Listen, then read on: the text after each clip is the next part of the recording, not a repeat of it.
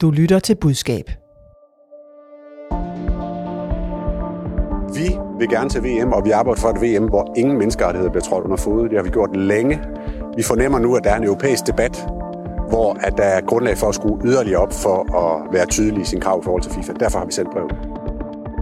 Det bliver ved med at spøge VM i fodbold i Katar. Nu har DBU sendt et kritisk brev afsted til FIFA i håbet om at få rettet op på menneskerettighederne i landet. Men er der overhovedet tale om en skarp kritik fra dansk side? Hvad skal kritikken bruges til?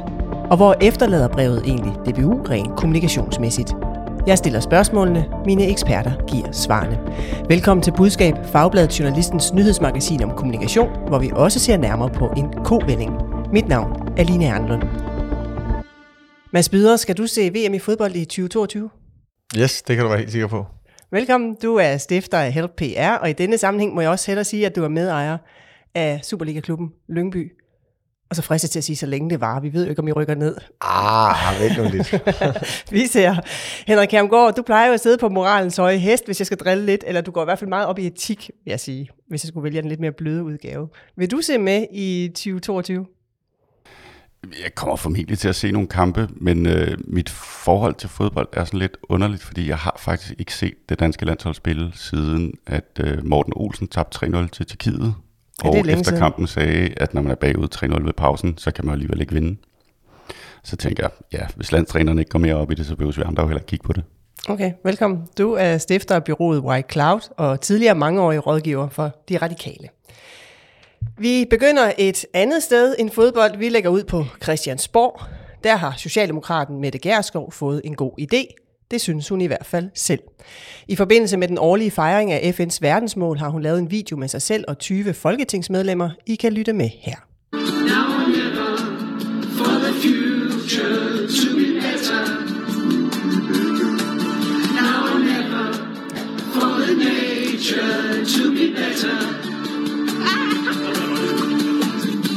For me, I care for you.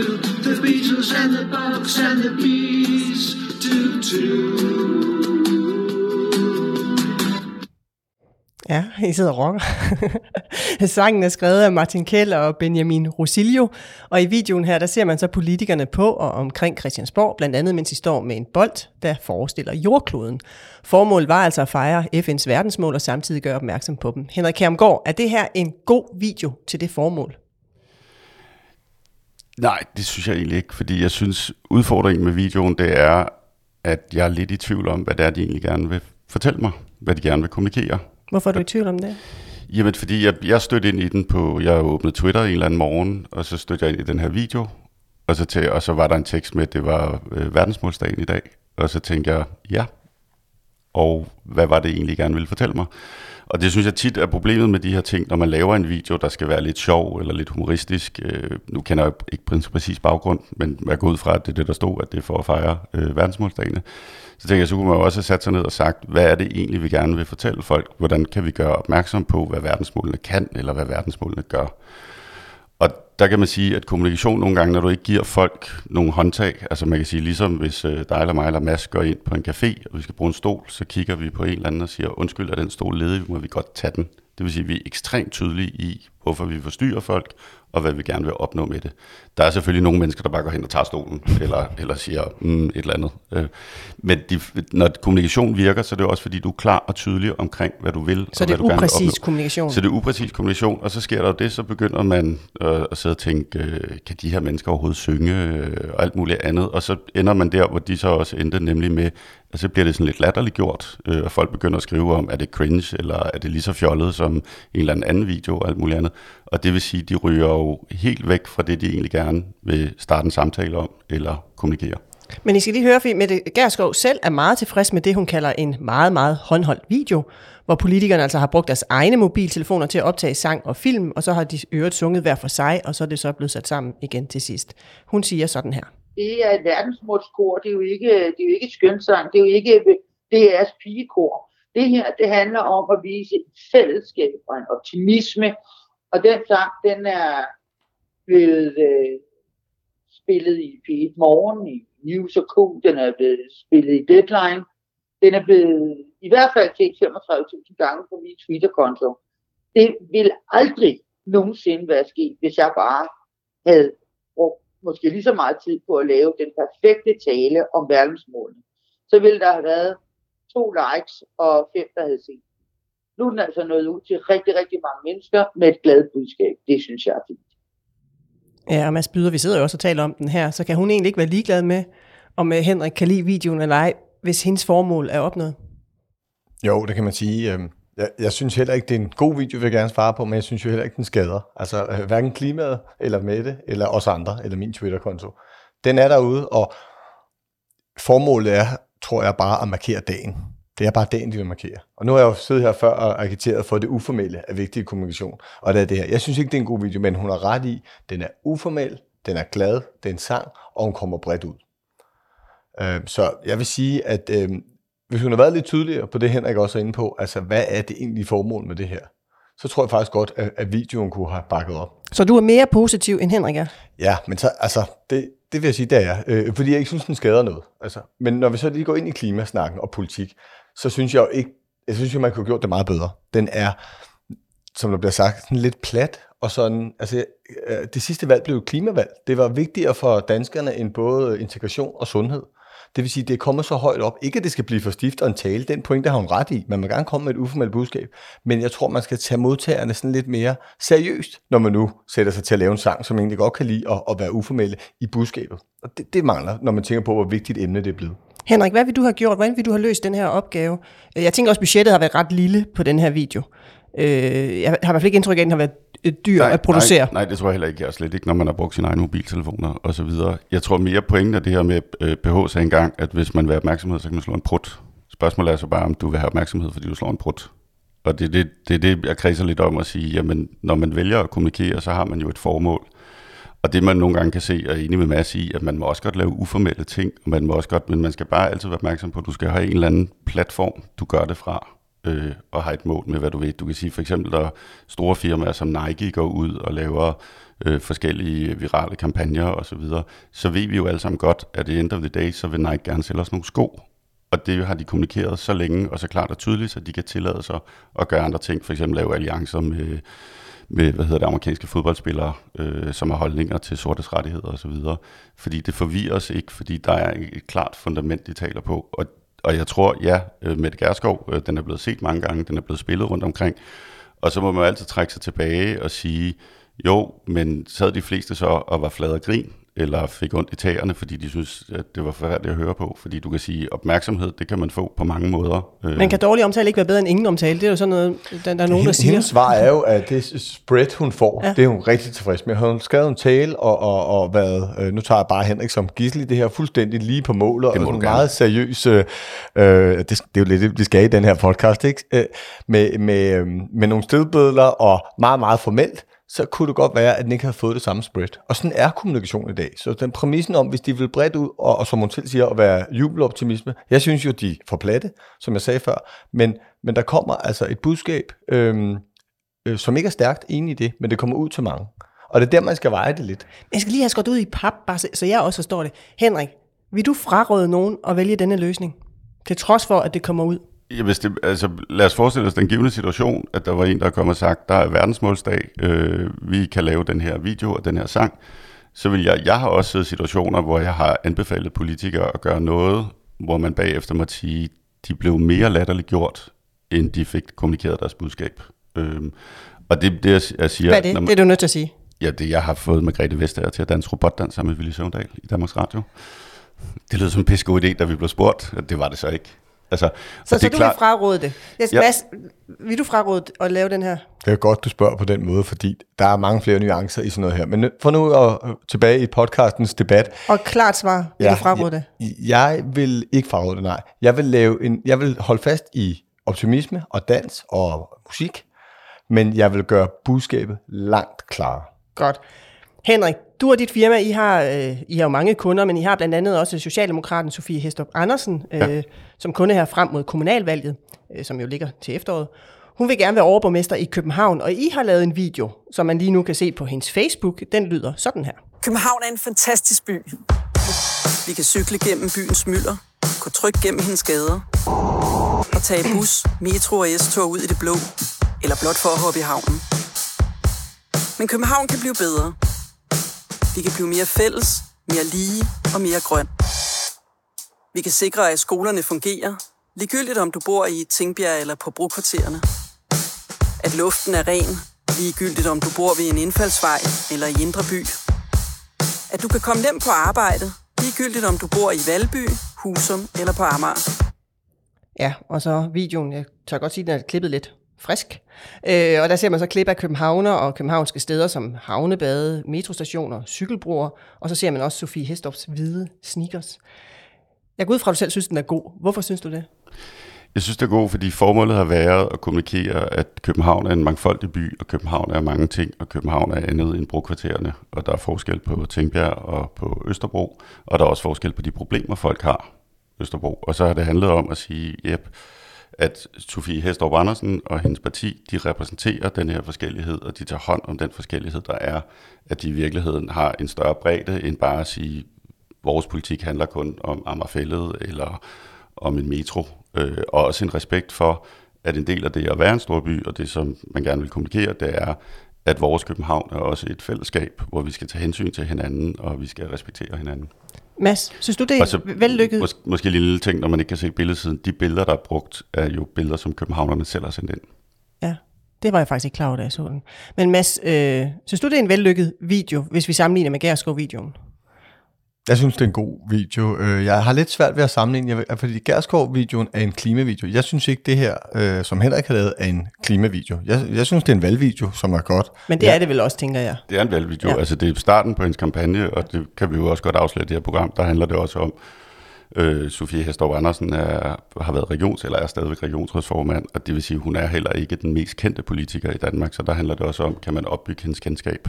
Så bare lige for at sætte den, at det ikke en klimavideo. Derfor synes jeg ikke, de er helt sammenlignende. Hvis, hvis du spørger mig ind til videoen, som jeg lige så her til morgen, så kan jeg godt lide, at fotosene er taget af Københavner, men opbilden er også til sidst til at sige, nogle flere ind. Den er uformel, den er ikke reklamet, den er helt nede på jorden. Øh, og jeg ser det som en valgvideo, fordi det, øh, nu har jeg ikke talt med Henrik om den, eller set den før, men, men det, øh, jeg har boet mange år i København også, altså, den prøver jo at komme i øjenhøjde med københavnerne. Altså, jeg har også hoppet i havnebadet øh, midt om natten, og alle de andre ting, og det er det, hun fortæller. Hun er et menneske ligesom alle os andre, og bruger byen på den samme måde, dag og nat og så videre. Jeg kan godt se, at der er lidt med klima implicit, men det handler mere om et ung menneske, der er glad og bruger sin by. Og der rammer hun jo rigtig mange af os i valgøjemed. Men nu siger du bare, Henrik, i forhold til Mette Gerskov, at den synes du ikke er særlig præcis. Når jeg ser uh, Sofie Hestorp Andersen-videoen her, så tænker jeg også, altså der er, et, et, et, der er mange uh, ting at forholde sig til. Synes du, den er præcis? Jeg, jeg, jeg, jeg har jo med til at lave den, så jeg, det er jo svært at ikke at sige andet end ja til. Men, men, men pointen er... Men hvorfor synes du, at sådan er præcis? Det var det, der i virkeligheden er min indvending mod øh, Mette Gerskovs øh, hvad hedder det, klimavideo. Det er jo det der med, at kommunikation handler jo også om at starte med at sætte sig ned og sige, hvad er det, vi egentlig gerne vil kommunikere, og hvorfor vi gerne kommunikere det. Og der siger der nogle gange, og det for mig har øh, Mette Gerskov, det er kun hende, der har lavet den, en, en her sag, at man måske mere har sagt, det er en sjov idé, lad os gøre det. Og der er jeg enig med Mads i, at den viser jo selvfølgelig noget glæde og noget umiddelbarhed, men man har måske ikke tænkt over, hvad er det så, vi egentlig gerne, altså når mig og Mads har set den færdig, hvad kunne vi, godt, hvad kunne vi så godt tænke os, at mig og Mads havde fundet ud af, eller var blevet klar over, eller gik hen og gjorde. Hvor man kan sige, at denne her med, med Sofie Hestorv Andersen, den er til formål med, øh, jeg er meget glad for det, Mads sagde, ud over rosen, fordi det, var, at det er netop noget af det, der er formålet at sige, du skal lære Sofie at kende, og du skal lære Sofie at kende som en københavner, og som en, der lever ligesom dig og mig i København, og også har blik for, at København er mange forskellige ting. Men Mads, kan du summere op og så sige, hvad skal en video kunne? Der sidder jo mange kommunikatører derude, der arbejder med at lave videoer til sociale medier. Ikke? Hvad skal en video kunne for at være vellykket? Ja, altså øh, noget af det allervigtigste, som, øh, som begge de her videoer faktisk kan, for nu at også at være positiv, det er, at de er uformelle. Altså også i hele deres måde at redigere på. De her, jeg kalder dem somi-videoer inde i, i vores bureau. De her små journalistiske, redaktionelle film har en kæmpe effekt. Altså, når reklamefilteret kommer ind og, og lyser og sådan noget, det kan jo noget andet, hvis det skal på det store lærred, men skal vi ud på Facebook og på LinkedIn og sådan andet, så kan jeg se, at der er en kæmpe traction på de her små film, som lige så godt kunne være dig, der var ude for TV2 Løje, men det er egentlig Henrik, der står bag det. Det er den ene ting, at det er uformelt, og det er sådan et, øh, et, øh, et øh, hvad skal man sige, klipperegi, som er nede på jorden. Den anden ting, det er, og det er det, vi har talt om i dag, budskabet skal være helt klart. Man finder ud af, hvordan formidling og storyboard skal være, men hvad er det, vi vil have, at seerne tænker lige bagefter. Så det sætter man sig jo ned og beslutter, Og, og det behøver heller ikke at være de der store processer. Vi laver 10 af de der videoer om ugen nogle gange. Man sætter sig ned og laver et kort storyboard til en kort uformel film. Så, og det tror jeg, og tror også mange lytterne øh, sidder her og, og, og både gør og kigger ind i. Så, så det korte svar, det er øhm, et helt klart formål, og så holde fast i de her små redaktionelle film. Godt. Meget Ja. kort. Jamen, det var egentlig bare netop point med at sige, altså hvis du laver en film til et firma, der skal børsnoteres, det der hedder en IPO-film, så er det jo klart, så skal man ikke synge og danse. Altså så vil det være en film, de fleste af os synes er ret kedelig, men den skal aflevere nogle meget præcise informationer. Og det er så igen tilbage til det der med, som Mads også siger, du sætter dig ned og siger, hvad er det egentlig, du skal kommunikere til folk, og hvorfor? Og så finder du ud af, hvordan gør man det så. Og der er det så det der med, hvorfor det måske har, har været lidt fjernt i klimavideoen. Det er jo fantastisk at have jer i studiet igen, så vi ikke behøver at sidde online, men vi skal lige have lidt ekstra stemning. Det kommer her.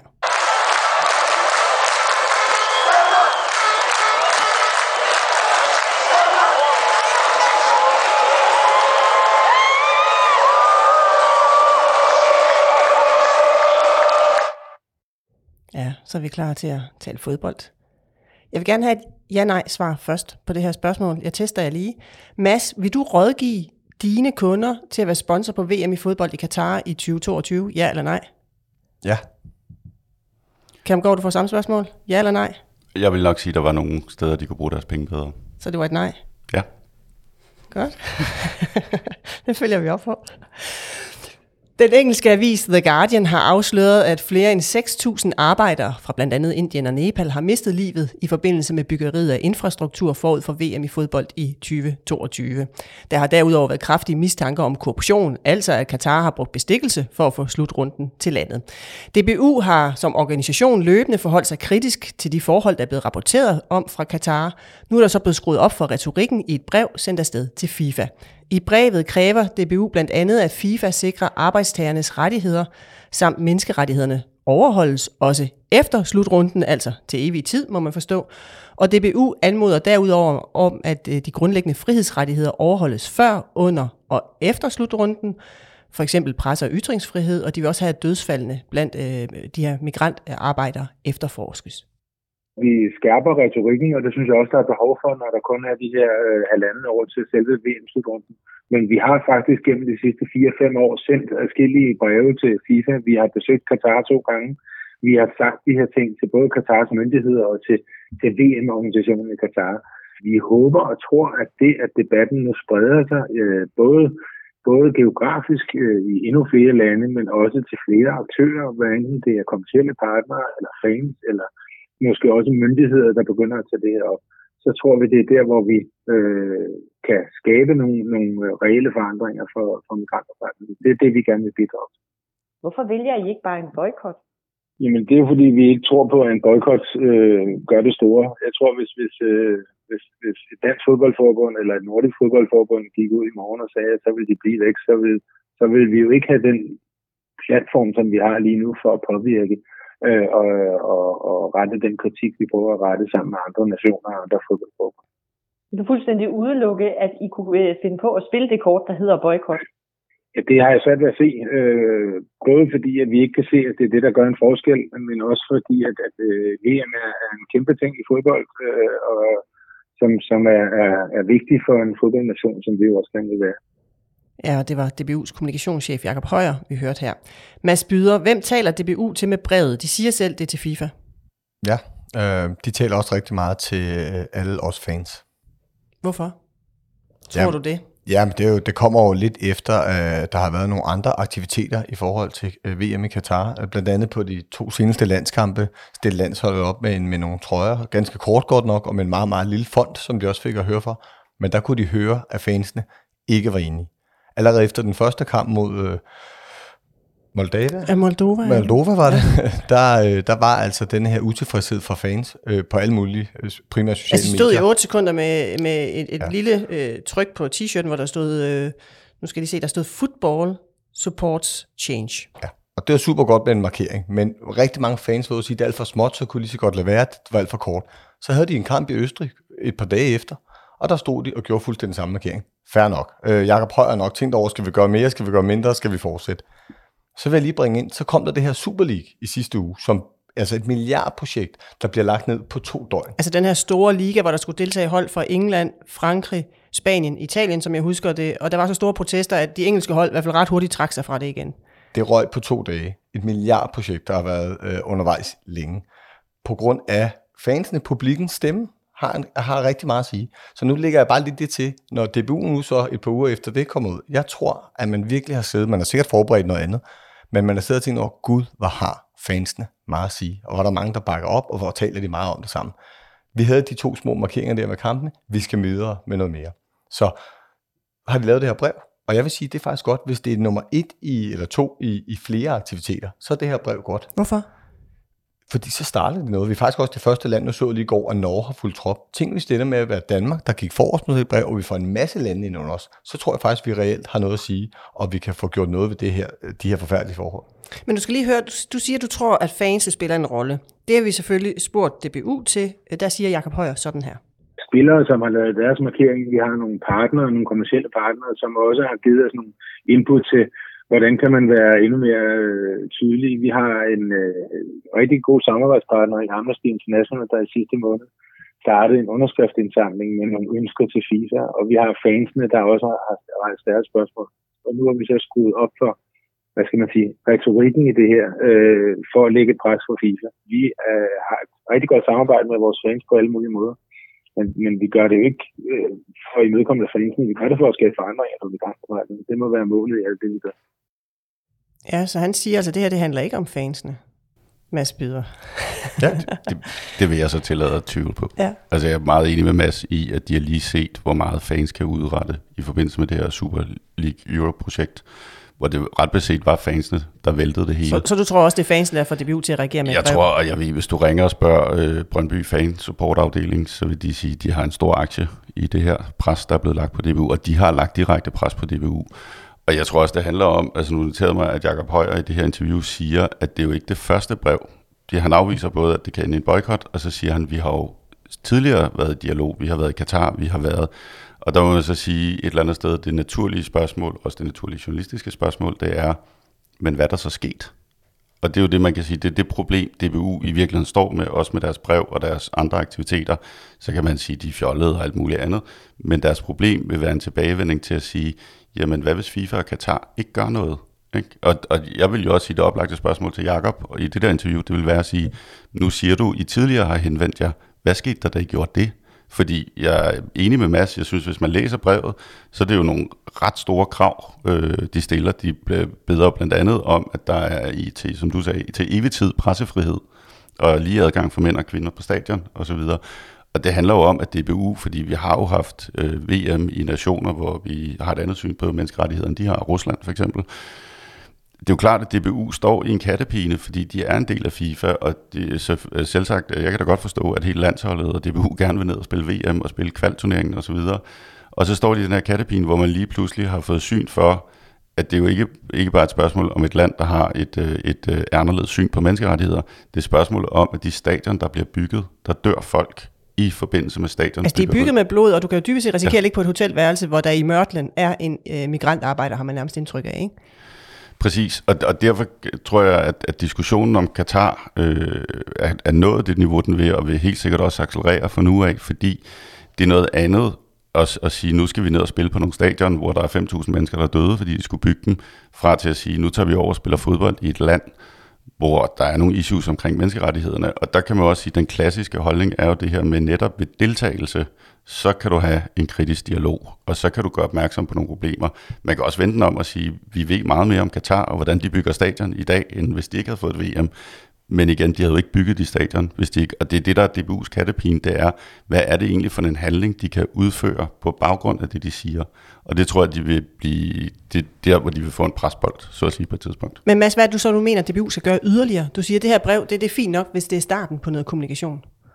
Jamen, jeg håber, der kommer en lang række aktiviteter. Vi kan alle sammen se, hvor galt det er. Vi behøver ikke engang sætte antal på. Og, og øh, jeg, kan, jeg så Norge bakke op i går. Jeg, på, på en god dag vil jeg tænke, tænk hvis vi bliver spidsen af en pyramide med en masse lande under, så det ikke bare bliver sådan en klage, men vi reelt kan øh, fra dansk side betyde noget, stille nogle krav. Og øh, når det er sådan, at man er serveretten, som Danmark har taget nu, hvis vi får en masse opbakning på de andre lande, det, det er lidt søgt, men hvis jeg var kommunikationsrådgiver, så ville jeg da sige, vi skal mere end at sige det til FIFA, fordi vi har fået alle de her lande med, så skal vi også begynde at komme med løsningsforslag. FIFA sidder jo også og river sig selv i håret om, hvad skal vi gøre her? De kan jo godt se, at der er et problem. Hvad skal vi gøre? Men hvis du siger, at kommunikationen handler om at tilfredsstille fansene, så er det vel ikke nok at gøre noget internt og sende nogle breve afsted? Altså det, det finder fansene vel ikke ud af? Ja, så tror jeg, at det vi også så i forbindelse med Super League-projektet, det var jo, at det spredte sig. Det var jo lige pludselig ikke kun fans, der gik ud og sagde fra. Det var sågar øh, tidligere topspillere i klubber. Det var arvinger, der var arvinger til en, en, en tidligere meget kendt Liverpool-spiller, der bad om at få statuen fjernet øh, foran Anfield Road. Ikke? Der var politikere, der var ude, øh, og, og der tror jeg også, man sidder man debut og siger, okay, det pres, det kan accelerere, og det kan accelerere til et sted, hvor det lige pludselig er en landsholdsspiller, eller Kasper Julemand, der siger, at det skulle for dodgy det her, ikke? Og, og det skal de selvfølgelig, altså de skal jo have styr på den interne del, og så, jeg tror, de sidder og tænker, og det tror jeg sådan set også masser ret i, at de sidder også i FIFA og tænker, hvordan løser vi denne her? Fordi den er svær at løse. Man har givet et VM, til et land, øh, hvor man ovenikøbet er blevet udsat for, at der har været korruption indblandet. Man har flyttet øh, spilletidspunktet for VM. Noget af det, der kuldsejlede for Super League, det var også deres tanker om, at kampene skulle være kortere. Ja, man har flyttet spilletid, fordi det er noget med varmen, der nedgør, ja, så er man nødt til at spille på, på et andet tidspunkt. Men Mads, i forhold til fansene, hvordan skal DBU kommunikere øh, til fansene, hvis det handler om at have deres opbakning hele vejen igennem? Men det er jo øh, via handlinger. Jeg synes øh, ikke, du har ret i det, du sagde, eller det var et spørgsmål. Jeg synes, de, det her skal være en aktivitet, det her brev nu, få nogle flere lande bag sig, som de er allerede i gang med, og så skal der komme en perlerække aktiviteter frem mod Qatar.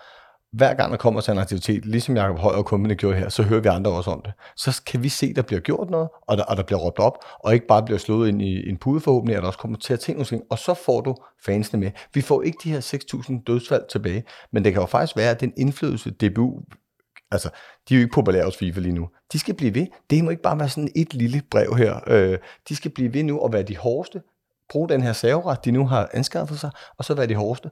Så øh, er jeg helt sikker på, at danske fans, men også andre i landet, bliver fans af Danmark, fordi vi går sådan foran. Så det, du siger, du ikke var enig i, det, det var den præmis, jeg lagde ind med, at intern kommunikation ligesom ikke er ekstern, at det synes Check. du, den er. Ja. Godt, så er vi det på plads.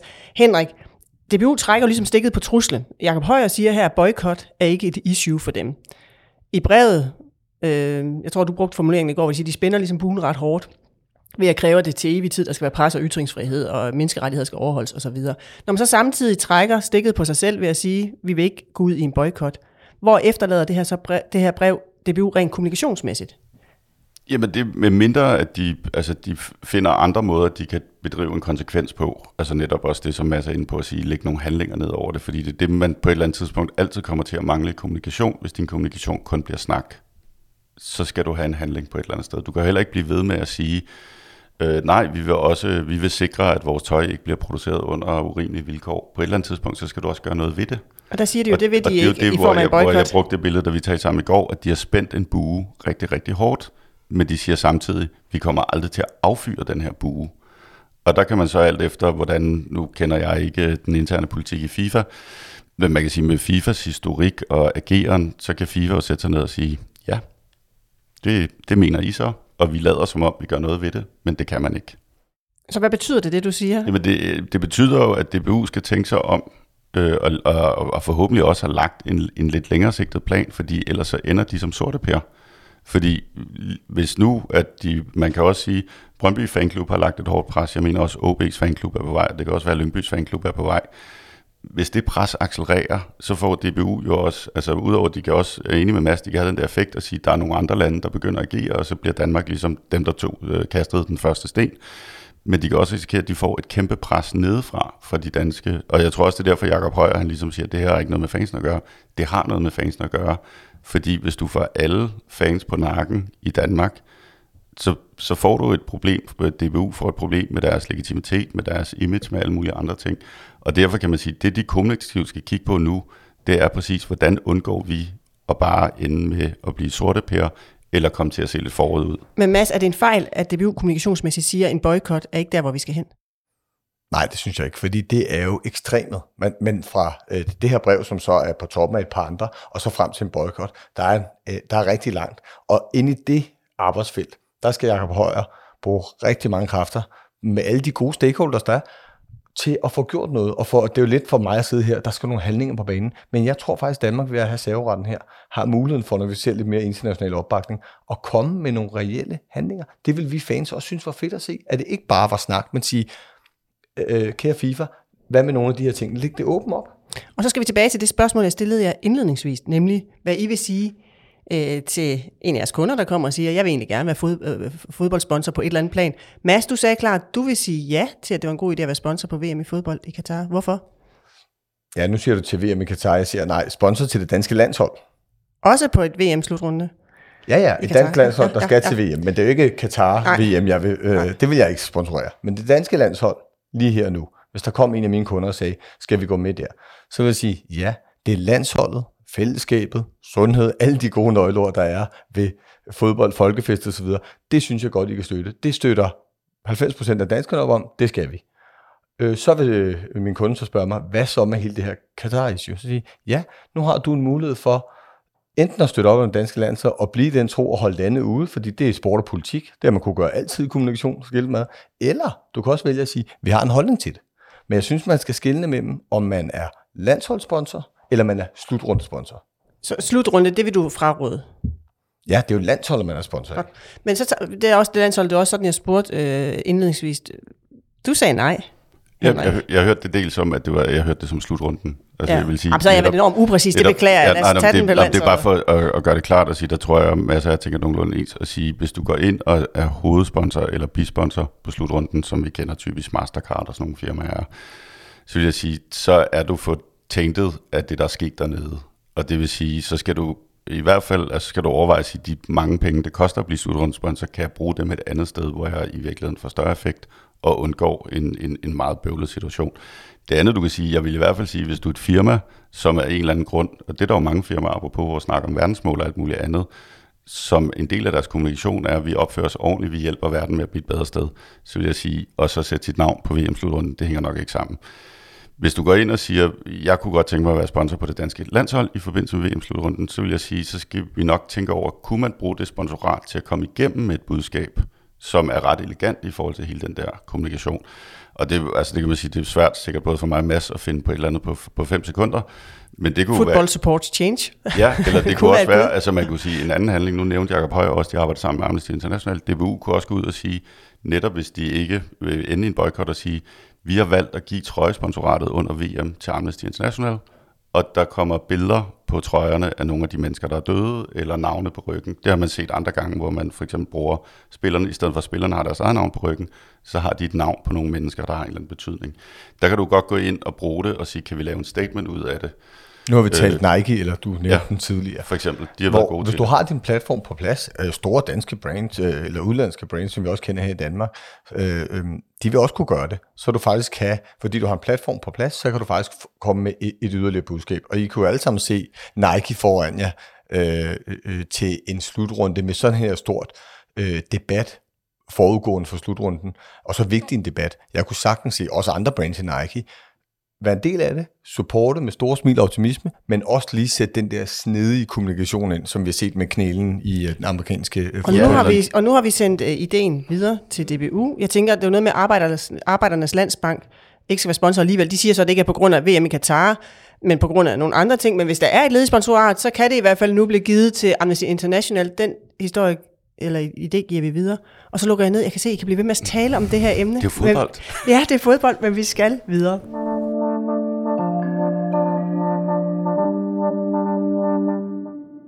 Ja, vi skal videre til en vaskeægte kovending. Det handler om kammeradvokaten, der har udbudt kurser, hvor kursisterne kunne lære at begrænse og afslå ansøgninger om agtindsigt. I en reklame fra kammeradvokaten lød det sådan her.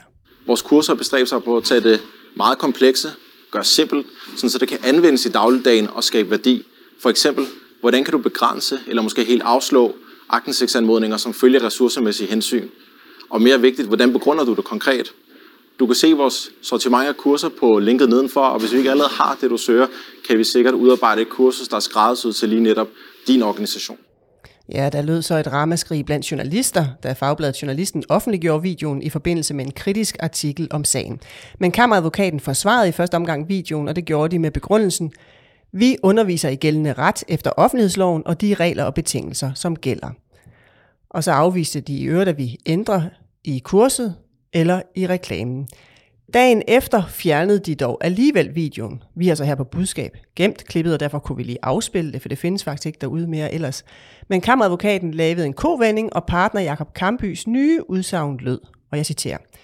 Vi har lyttet til kritikken, og vi er rigtig kede af, at videoen kan opfattes, som om vi er imod agtindsigt og offentlighed. Vi anerkender, at der er en uhensigtsmæssig formulering i videoen, og derfor har vi fjernet introvideoen fra vores kursusside. Mads Byder, er det her en god kovending, hvis nu man skal ud i den disciplin? Nej, den kunne have været mere elegant. Den er egentlig ret enkel, den her øh, case, og derfor super god, synes, håber jeg også for, for lytterne og sådan, fordi i den første udtalelse på dag 1, da journalisten kommer og har gravet lidt, vi kender alle sammen det opkald, hvor man kan mærke, der er blevet gravet lidt her. Og det er jo godt journalistisk arbejde. Man kan mærke det gennem røret. Da det opkald kommer, og hvis han havde haft en rådgiver ved sin side, så havde han, han går ud som en klassisk advokat og svarer så faktuelt, så faktuelt, så faktuelt. Og advokaterne er bare kloge, det kender jeg af min egen erfaring. Men han glemmer at lave den lille åbning til sidst af, det kan jo være, at han bliver klogere over natten. Og det har set helt anderledes ud, hans statement. Altså jeg plejer at sige, slut nu af med et komma, i stedet for med et udråbstegn. Det er den bedste rådgivning, jeg kan give, fordi havde han haft en lille åbning til sidst, hold fast i alle sine aktuelle budskaber, men måske bare sagt, jeg vil selvfølgelig lige i aften vente med bestyrelsen, gå tilbage og tjekke, kigge på al den øh, ramachan, der er ude på de sociale medier. Så havde det været helt anderledes dagen efter, vil jeg sige, vi har taget det ned, vi har lyttet. Nu bliver det en kovending, fordi han slutter af med et udopstegn, og dagen efter bare slettede det. Men betyder det noget, Henrik Kjermgaard? Ja, og tid betyder det ikke så meget. Altså tid, tid får jo alting til at forsvinde, og det er derfor, du også nogle gange bare kan køre igennem med ingen kommentarer fordi ting forsvinder efter noget tid. Øh, det klip i spillet, det er fra selve videoen. Ja. At det er ikke hans forklaring. Nej, øh, fordi det- det er klip det, jeg synes videoen. egentlig, jeg synes, at de, altså jeg synes, de har håndteret den fint, fordi jeg synes, de går ud og tager, og tager ved lære og fjerner det og siger, nu kigger vi også vores øvrige materiale igennem og siger, det er jo klart, og, og så kan det godt være, at de siger, at vi er blevet misforstået eller et eller andet.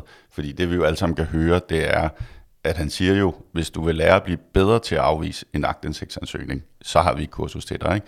Det svarer jo lidt til, hvis mig og Mads siger til en kunde, altså mig og Mads siger jo heller ikke til vores kunder, øh, vi kan finde ud af at lave en kampagne, der går helt ud på grænsen til, hvad du må dataetisk og øh, lure på folks personer. Hvis vi, hvis vi sælger noget i den stil, så siger vi jo, vi kan finde ud af at lave super god retargeting og mikrosegmentering osv., ikke? Og det er jo det, der er det underlige, øh, som de snubler i, og det er jo det der med, at krisen starter jo som regel altid, fordi du selv har gjort noget dumt. Det er jo, at de ikke selv kunne høre, da de laver videoen, at i den kontekst, både det kammeradvokaten, som arbejder for staten rigtig meget, vi har en stor diskussion om offentlighedsloven, som har kørt i rigtig mange år, øh, hvad hedder det, at de ikke kan høre, det, det skal vi ikke sige det her. Altså vi skal ikke få det til at lyde som om, at vi gør Mads eller Bettina bedre til at lave smarte, elegante afvisninger på aktindsigtsansøgninger for journalister. Men hvad betyder tid egentlig, hvis man nu skal lave en kovending? Øh, Mads, de gør det jo så rent faktisk dagen efter, så det er jo relativt hurtigt overstået øh, historien, i hvert fald øh, mediemæssigt kan man sige. Hvad betyder tid som faktor? Ja, det betyder rigtig meget. Og, og, og begge veje. Altså, fordi her reagerer de med det samme. Så de har faktisk også vundet lidt hos mig. De har jo set, de var galt på den og reageret. Jeg siger bare, du spørger, om det var til et 13-tal. Det var det ikke. Min rådgivning er altid, selv når du er så skråsikker, nu har vi snakket nemlig .com mange gange, lad være at slutte af med det udopstegn, fordi du står så meget bedre, hvis du kan sige, nu reagerede jeg på noget af det, jeg undersøgte. Så dit bedste råd til, hvis man skal ud i disciplinen kovending, og det sker jo engang, men man skal det, hvad er det så, hvis du skal sige det kort? Det er, at du allerede har forberedt dig i dit første svar, der hvor du tror, at du har styr på det hele, at du allerede der har en lille åbning til at kunne være et menneske, til at begå en fejl, til at kunne dobbelttjekke ting. Det, det bliver altid tilgivet. Men nu spurgte du også lige til tid. Hvis man vælger at, at bruge udopstegnet, som advokaten gør her i den første, og lad os sige, at de ikke har taget videoen ned, så tror jeg, Henrik har ret i, sådan er kommunikation blevet i dag. I havde taget og lavet flere artikler for journalisten.dk, men det havde ikke været Talk of Town i næste uge. Så havde man holdt fast, og så havde tiden gjort det, at der var kommet en anden sag. Henrik, hvad er dit bedste råd til, hvis man skal ud i kovending? Jeg tænker, du måske selv har prøvet det i din karriere også. Jamen det er jo det der klassiske med at undgå absolute udtalelser. Ikke? Altså altid have nogle udgange. Og det betyder jo også, eksempelvis ofte stammer det jo af, at der, som, som Mads siger, der er en journalist, der ringer til dig. At starte med, i stedet for at starte med at gå ind i og sige, journalisten tager fejl, de lyver, de alt muligt andet, så sige, okay, vi er blevet præsenteret for det her, så kan man starte med at sige, det undersøger vi selvfølgelig, fordi det bliver vi nødt til at finde ud af. Og så handler det jo også om ikke altså, at erkende enten at sige, vil man lægge sig ned og, eller lave en kovending, Eller vil man, man kan jo også prøve at forklare og forsvare sig igennem, hvis man virkelig mener, at, man, at det, man har Men gjort... selv der skal man have en åbning, hører jeg dig sige, eller hvad? Ja, altså du kan jo se, altså du kan jo se, der er nogle politikere, når de bliver mødt med et eller andet, så siger de, sorry, beklager, det laver vi om. Og så er der nogle politikere, der siger, ja, det kan godt være, at I har forstået det sådan, men faktum er sådan og sådan. Og så tager de måske 1, 2, 3, 4 uger, hvor de kæmper. Problemet er så, hvis du undervejs i de 2, 3, 4 uger lige pludselig beslutter til, at nu vil jeg hellere sige undskyld, eller lave det om, ikke? så kommer du til. Så det, det handler også om, at du starter med at finde ud af, dels, hvad er egentlig op og ned i den her historie. To, vil jeg prøve at forklare og forsvare mig, eller vil jeg lægge mig fladt ned? Altså det er sådan lidt en, en, det igen handler det om the starting point, at du starter med ligesom, hvis du vil kommunikere og sige, hvad er det egentlig, jeg vil sige. Du, altså du afdækker tingene, i stedet for at gøre det i løb. Og jeg tror, at noget af det nemlig har gjort, det er jo sådan lige at gøre det lidt i løb. Og så lukker vi ned for de gode råd. Mads Byder, stifter af Help PR. Tak fordi du vil deltage i dag. Selv tak. Og så må jeg hellere sige held og lykke til Lyngby i Superligaen. Jo, tak. og også tak til dig, Henrik Kjermgaard, du er stifter af White Cloud. Selv tak. Du lyttede til Budskab, der er skabt af Fagbladet Journalisten. Redaktør er Marie Nyhus. Rakkerpak Productions står for lyd og teknik. I dagens afsnit har du hørt klip fra TV2, Mette Gerskovs Twitter-konto, Sofie Hestorfs Facebook-side, YouTube og Kammeradvokaten. Du kan abonnere på vores podcast. Giv den meget gerne en anmeldelse på din vej. Mit navn er Lina Anlund. Og husk, ord er ikke bare ord. Tilsammen udgør de dit budskab.